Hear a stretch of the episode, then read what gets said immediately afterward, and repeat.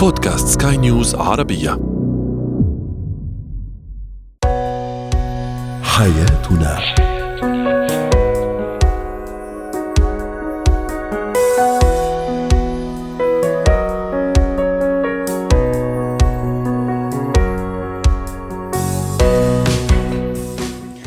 مستمعينا الكرام أهلا بكم معنا إلى حياتنا. فضاؤكم اليومي الذي يعنى بشؤون الأسرة وباقي الشؤون الحياتية الأخرى والذي يمكنكم الاستماع اليه عبر منصة سكاي نيوز عربيه dot com slash podcast وباقي منصات سكاي نيوز العربية الأخرى.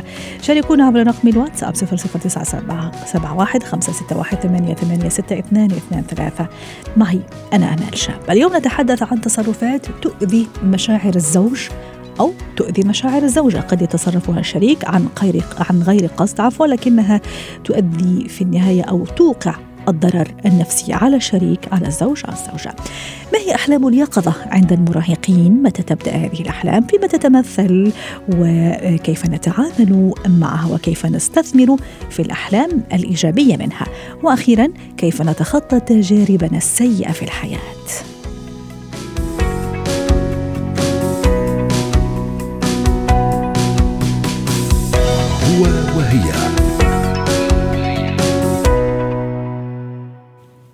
تصرفات الشريك لها دور كبير في تحقيق السعادة الزوجية أو العكس وتلعب أيضا دور مهم في تشكيل العلاقة الزوجية بين الزوج والزوجة. إما تصرفات إيجابية توطد هذه العلاقة أم سلبية آه، آه، تساهم في آه، أو تؤدي إلى التباعد والفتور وتسبب زعزعة في هذه الحياة الزوجية وفي استقرارها. اليوم نتحدث عن بعض التصرفات التي أتصرفها أنا كزوج أو زوجة لكنها في الحقيقة تؤذي الشريك. أتصرف طبعا عن غير قصد أو عن غير وعي.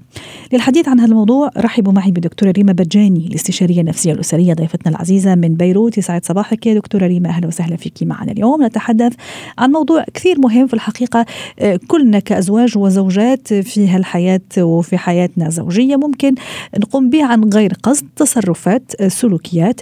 آه، أنا أقوم بها كزوجة أو زوج لكن بالحقيقة تؤذي الشريك خاصة إذا ما كان يحكي هذا الشريك الزوج أو الزوجة كاتمها أو كاتمتها على أمل ممكن أنا أتغير. آه، لكن تصرفاتي هذه أستمر فيها. ما هي أهم التصرفات وملامح التصرفات اللي لا ينصح أبدا أن يقوم بها كزوج أو زوجة؟ okay أول شيء مرحبا للجميع. يا أهلا وسهلا. آه اليوم الموضوع آه آه رح ناخذ من جانب إذا كان الأزواج عم يتعرضوا لبعضهم بطريقة مباشرة أو غير مباشرة، شو يعني؟ نحن اليوم وقت نكون بعلاقة زوجية يعني اليوم نحن جايبين تطلعاتنا وال expectation شو ناطرين من هيدي العلاقة ومن هيدا توقعات. من هيدا الشريك توقعاتنا من هيدا الشريك وشو المفروض يكون عم بيأمن راح أفكر بعد شوي شو شو قصدي بكلمتي. وعم بيساهم مثل ما قلت بالمقدمة تكون هالعلاقة ناجحة. مش هيك؟ معك حق. نحن اليوم عم نحكي عن الناس يلي بيأذوا من غير ما يقصدوا بس أذاهم رح يكون كبير. ليه؟ نحن اليوم يمكن الأهداف حلوة. إنه على بالهم تكون علاقه حلوة مثل ما هو بحبها أو هي بتحبها إيه تمشي الأمور مثل ما هن معودين. وهون أنا عم بحكي رح تنتبهي إنه أنا عم بحكي عن شخصيات معينة. لأنه يعني هي قادرة تكون عم تأذي بطريقة غير مباشرة. اذا قلنا مباشرة يعني عم نحكي عن غير شخصية كمان بركي بنتطرق لها شوي. فإذا اليوم إذا بدك الانطلاقة حلوة الهدف آه، حلو إنه نحن اليوم نكون علاقتنا حلوة تنحسن بهالعلاقة. وهون بدك بتبلش المشاكل. يعني بتلاقي انت أداة. بتلاقي الزوج عم بيعلم زوجته شو تعمل أو العكس أو عم بيحطوا على أو عم ينتقدوا شخصية بعضهم أو تصرفات معينة عم بيقوموا فيها أوقات بالمزح يعني اوقات بيكون عم بيقولها أيوة. بطريقة المزح. السخرية وخاصة أمام الآخرين أحيانا أنا كمان بدي أستوقف أتوقف عند هالنقطة كثير مهمة. أحيانا ممكن نعم. هي أو هو هو يسخر منها آه، بطريقة فني بالنسبة له أو لها فني يعني عم عم يمزح آه، لا أكثر ولا أقل آه، لكن لا إذا لامس أشياء معينة خلي يقول قد تكون أنوثتها مثلا أو هو مثلا رجولته إهانة مثلا لأهلها أو لأهله ممكن على سبيل المزاح أحيانا لكن أتصور أنه هذه من الأشياء اللي تأذي مشاعر الشريك. وش رأيك دكتورة؟ أكيد. وهون رح نقول إنه أوقات المزح حتى المزح مقسوم قسمين. في المزح عن جد البريء يلي كمان بيأذي. لأنه هون بنكون عم ناخذه من كل جوانبه. لأنه عن جد هو بيكون عن جد أو هي عم هيك تضوي على الطريقة على الموضوع بطريقة مهضومة بس تطلع كثير مأذية. وفي بعض الأوقات وقت حكيت عن السخرية إيه بيكون فيها أذى؟ هون بنسميه شوي ال passive aggressive يعني اللي بتكون العنف آه، مغطى. فسرتها صح؟ والسخرية هي من أنواع الاجريسيفيتي من أنواع العنف. والتنمر نوع من أنواع التنمر ومر عملنا موضوع التنمر الزوجي يعني بين الزوج وزوجته. 100% كارثة صراحة. أنا بحط دغري بهذا الإطار. لأنه على الأكيد على الأكيد نحن اليوم إذا هدفنا نضبط العلاقه خربناها هيدي من الآخر دغري. مش هيك نحن اليوم؟ بأرجع يمكن شوي للنقطة هيك البسيطة إنه أنا اليوم عم بشتغل على علاقتنا أنا وزوجتي أو زوجة تكون أحلى. بصير انتقد بصير مثل ما قلتي في تنمر بصير أنا عم بتمسخر. فنحن اليوم؟ شو تداعياتها أكيد في عندك اليوم. قبل ما نروح للتداعيات النفسية بمعنى القلق ايتو رح بلش من الأول. أنا ثقتي بذاتي آه، بتصرفاتي انطوائيه يمكن تصير أو هو. آه، اليوم في أذى نفسي لناخذ لأنه فيها تكون كمان أو يكون.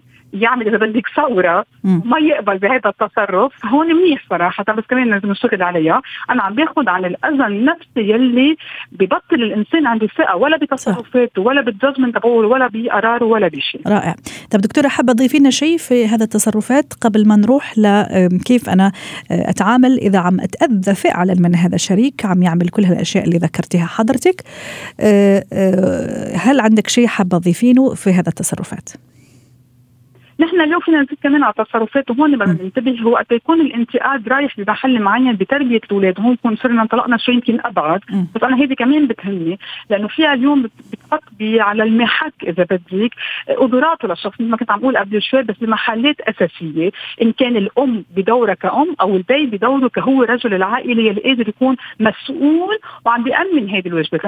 هون إذا بدك يكون عم نمشي عم نروح أبعد بتداعيات السلبية لهذه التصرفات لأنه بتنمى صراحة. صراحة مثل الاشياء الإيجابية بتنمى في الاشياء السلبية إذا ما عرفنا اشتغلنا عليها وكان عندنا الوعي وعرفنا حطيناها بإطار الصح فيها تؤدي لاذى أكبر وتتطور معنا بطريقة سلبية أكبر. رائع، طيب دكتورة كيف أتصرف أمام هذا الشريك اللي عم يأذيني؟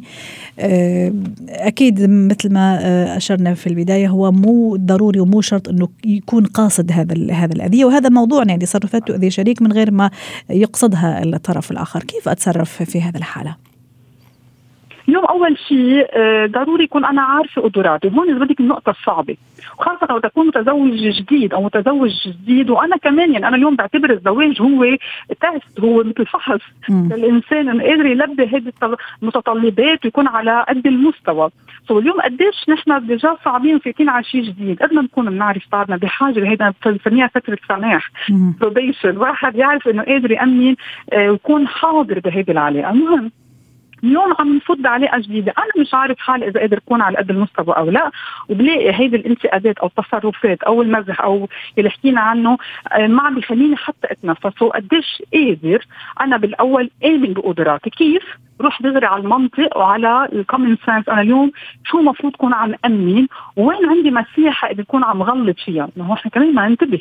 الأمور جاية كمان من محلات عم نغلط فيها. مش عم نقول بس هيك عم عم ينتقد لينتقد. so في كمان marge معينة. من هونيك ورايح بنروح أكيد على قدر أفهم حالي قدر أعبر عن حالي أعرف وين مسؤوليتي أقدر أهم شيء حسن الطريقة. يعني اليوم إذا بدك النقطة الأساسية أعرف أفصل إنه يمكن ما حق باللي عم بيقوله بس طريقته غلط.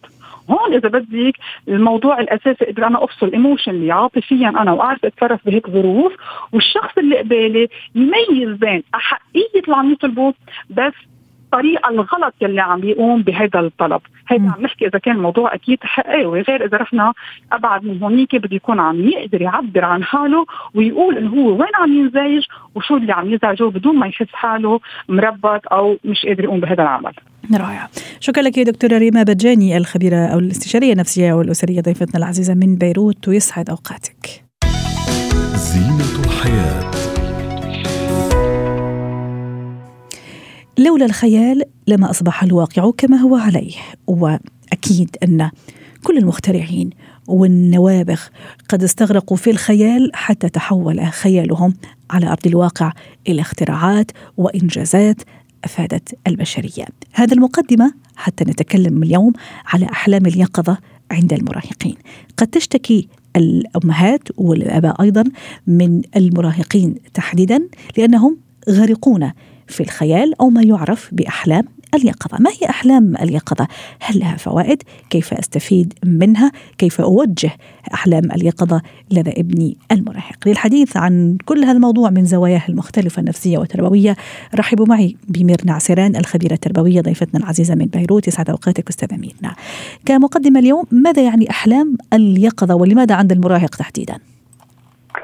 أحلام اليقظه اذا بدك هي اللجوء لعالم الخيال منشغل دماغنا تنحقق رغبة أو هدف أو شعور معين بيكون عادة شعور بالراحة بالأمان أو شعور ممتع اللي منه موجود على أرض الواقع وليش عند المراهقين تحديدا أكثر من غيرهم؟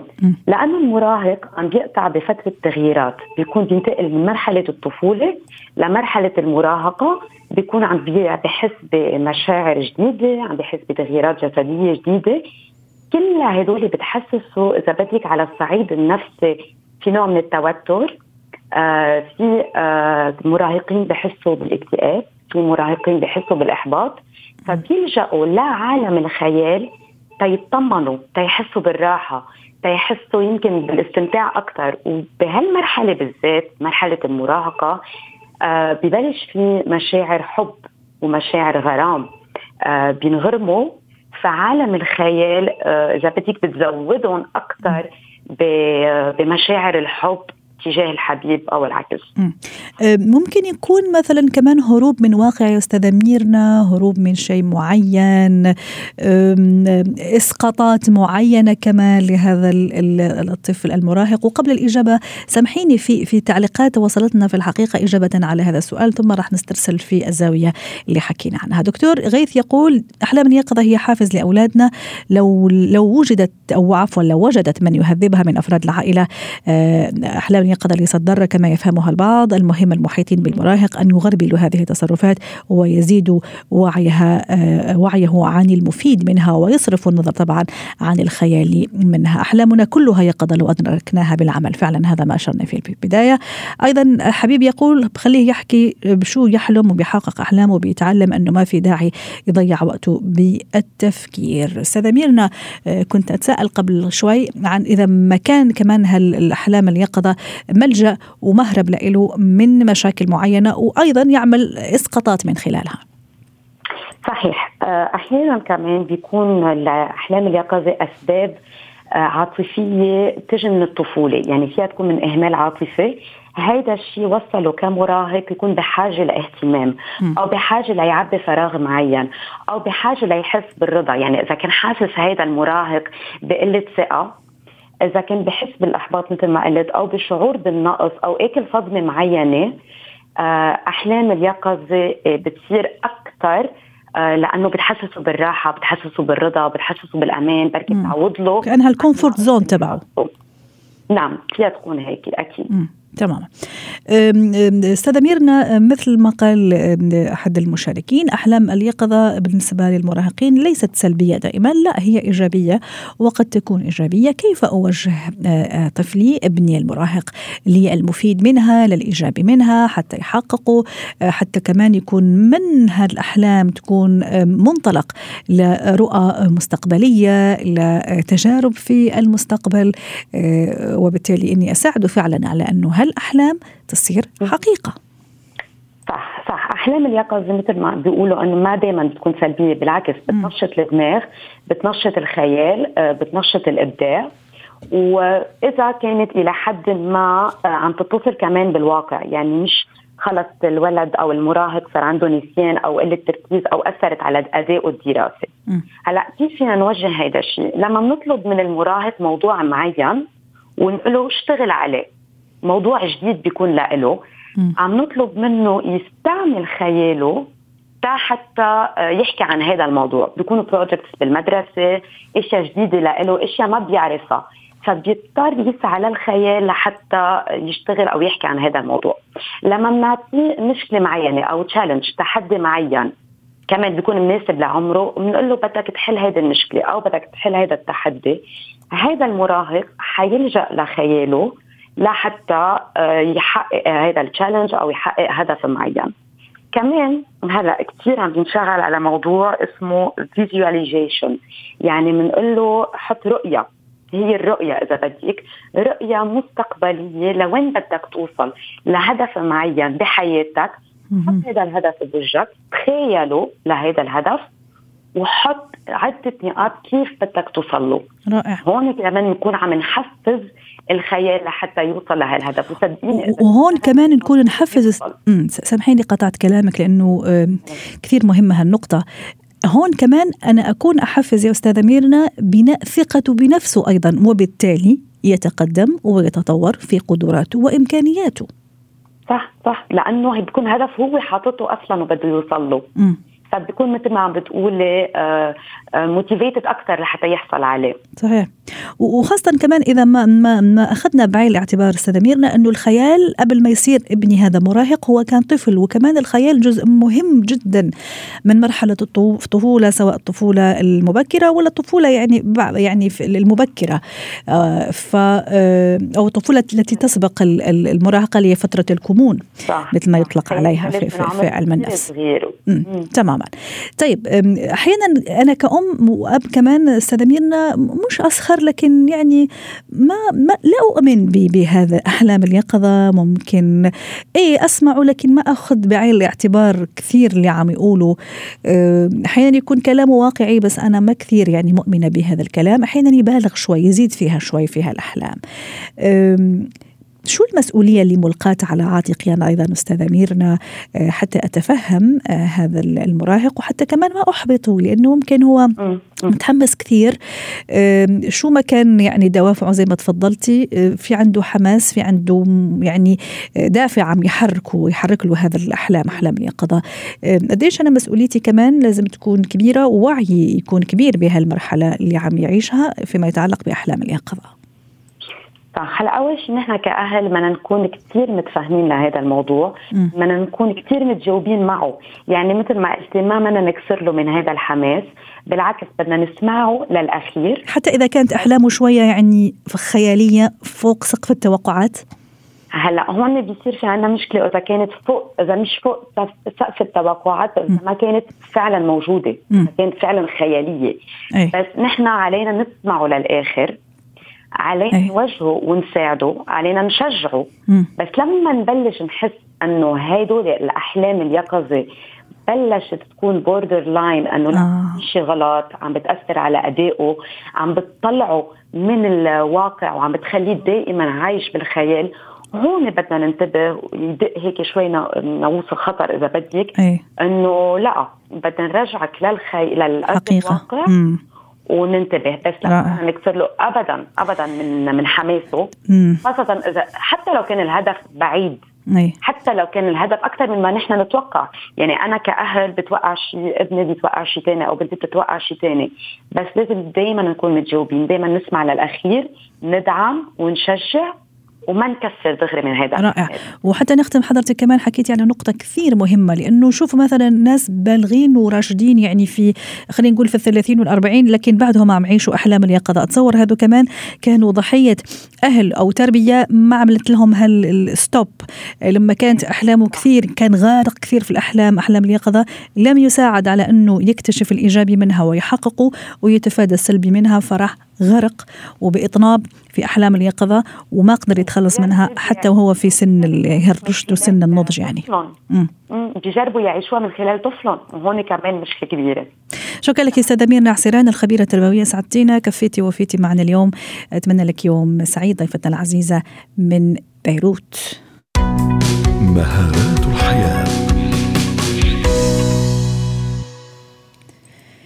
اليوم في مهارات الحياة نتحدث عن التجارب السيئة التي من دون شك كل شخص مننا عاش تجربة أكثر من تجربة وتجارب في الحقيقة آه، في سنوات عمره.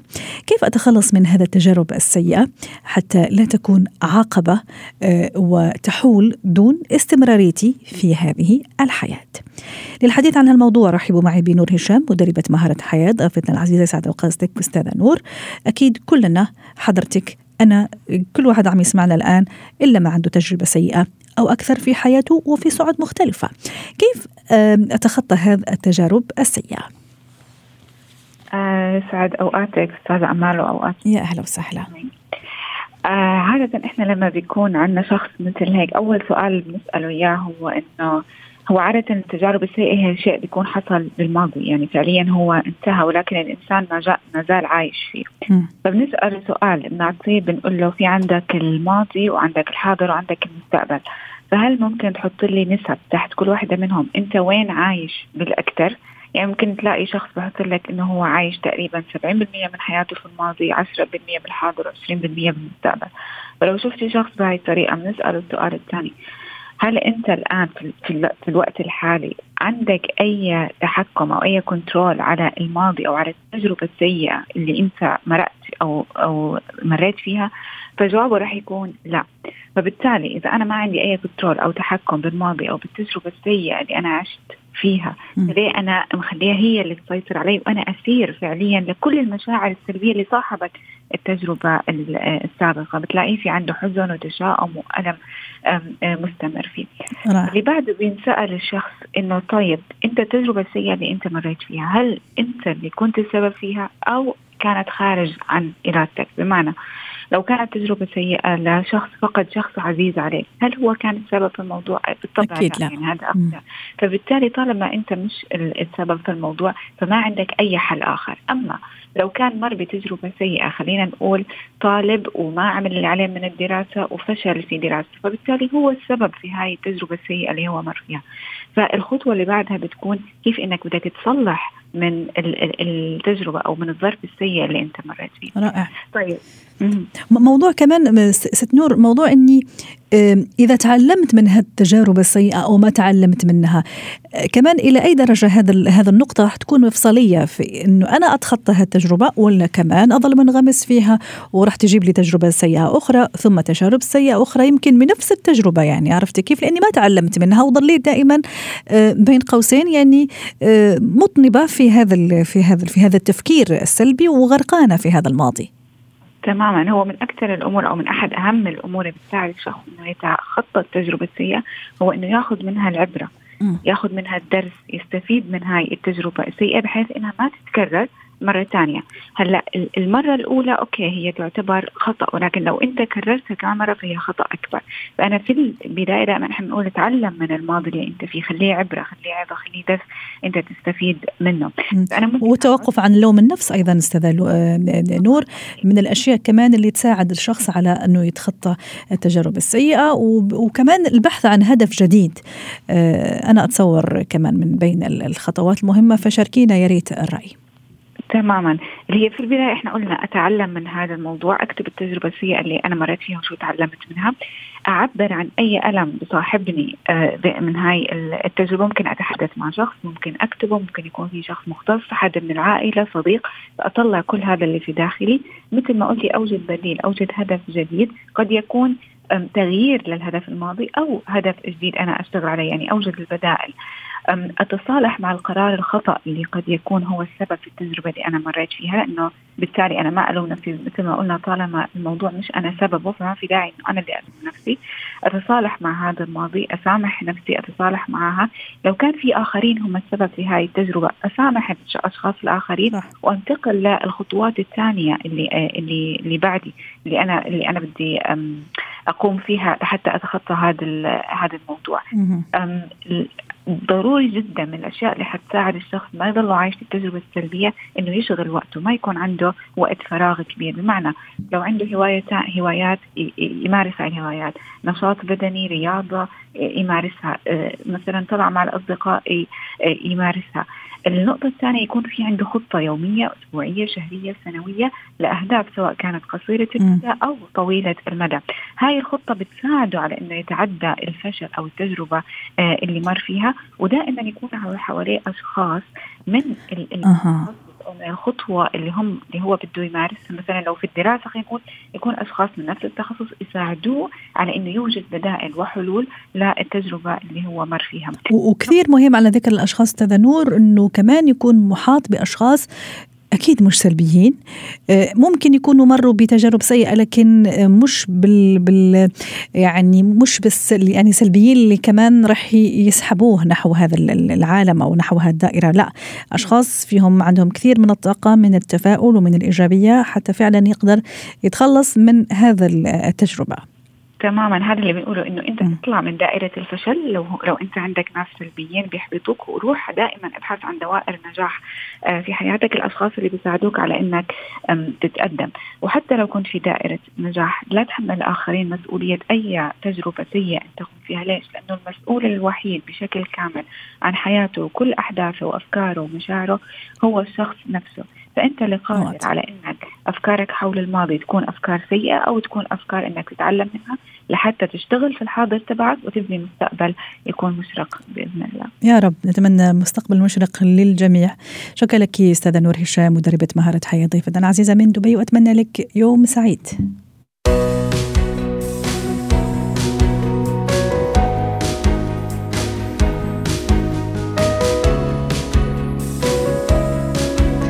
ختم حلقة اليوم من حياتنا. شكرا لكم وإلى اللقاء.